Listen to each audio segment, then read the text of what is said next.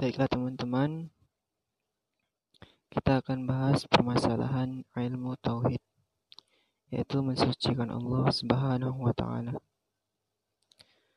Allah Subhanahu wa taala berfirman, Bismillahirrahmanirrahim. Laisa kamitslihi syai' wa huwas samiul basir. Allah Subhanahu wa taala berfirman di dalam ayat surat Asy-Syura ayat 11 yang maknanya Allah tidak serupa dengan segala sesuatu baik dari satu segi maupun semua segi dan tidak ada yang menyerupainya baik dari satu segi maupun semua segi. Kemudian Allah Subhanahu wa taala Maha melihat dan Maha mendengar.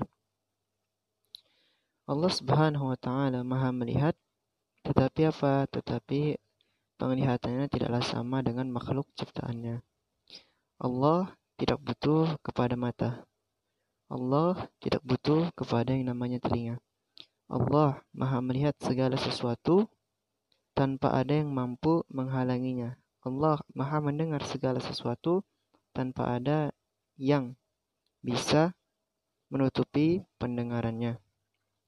Allah Subhanahu wa taala berfirman, "Wa kulla syai' Allah Subhanahu wa taala menciptakan segala sesuatu.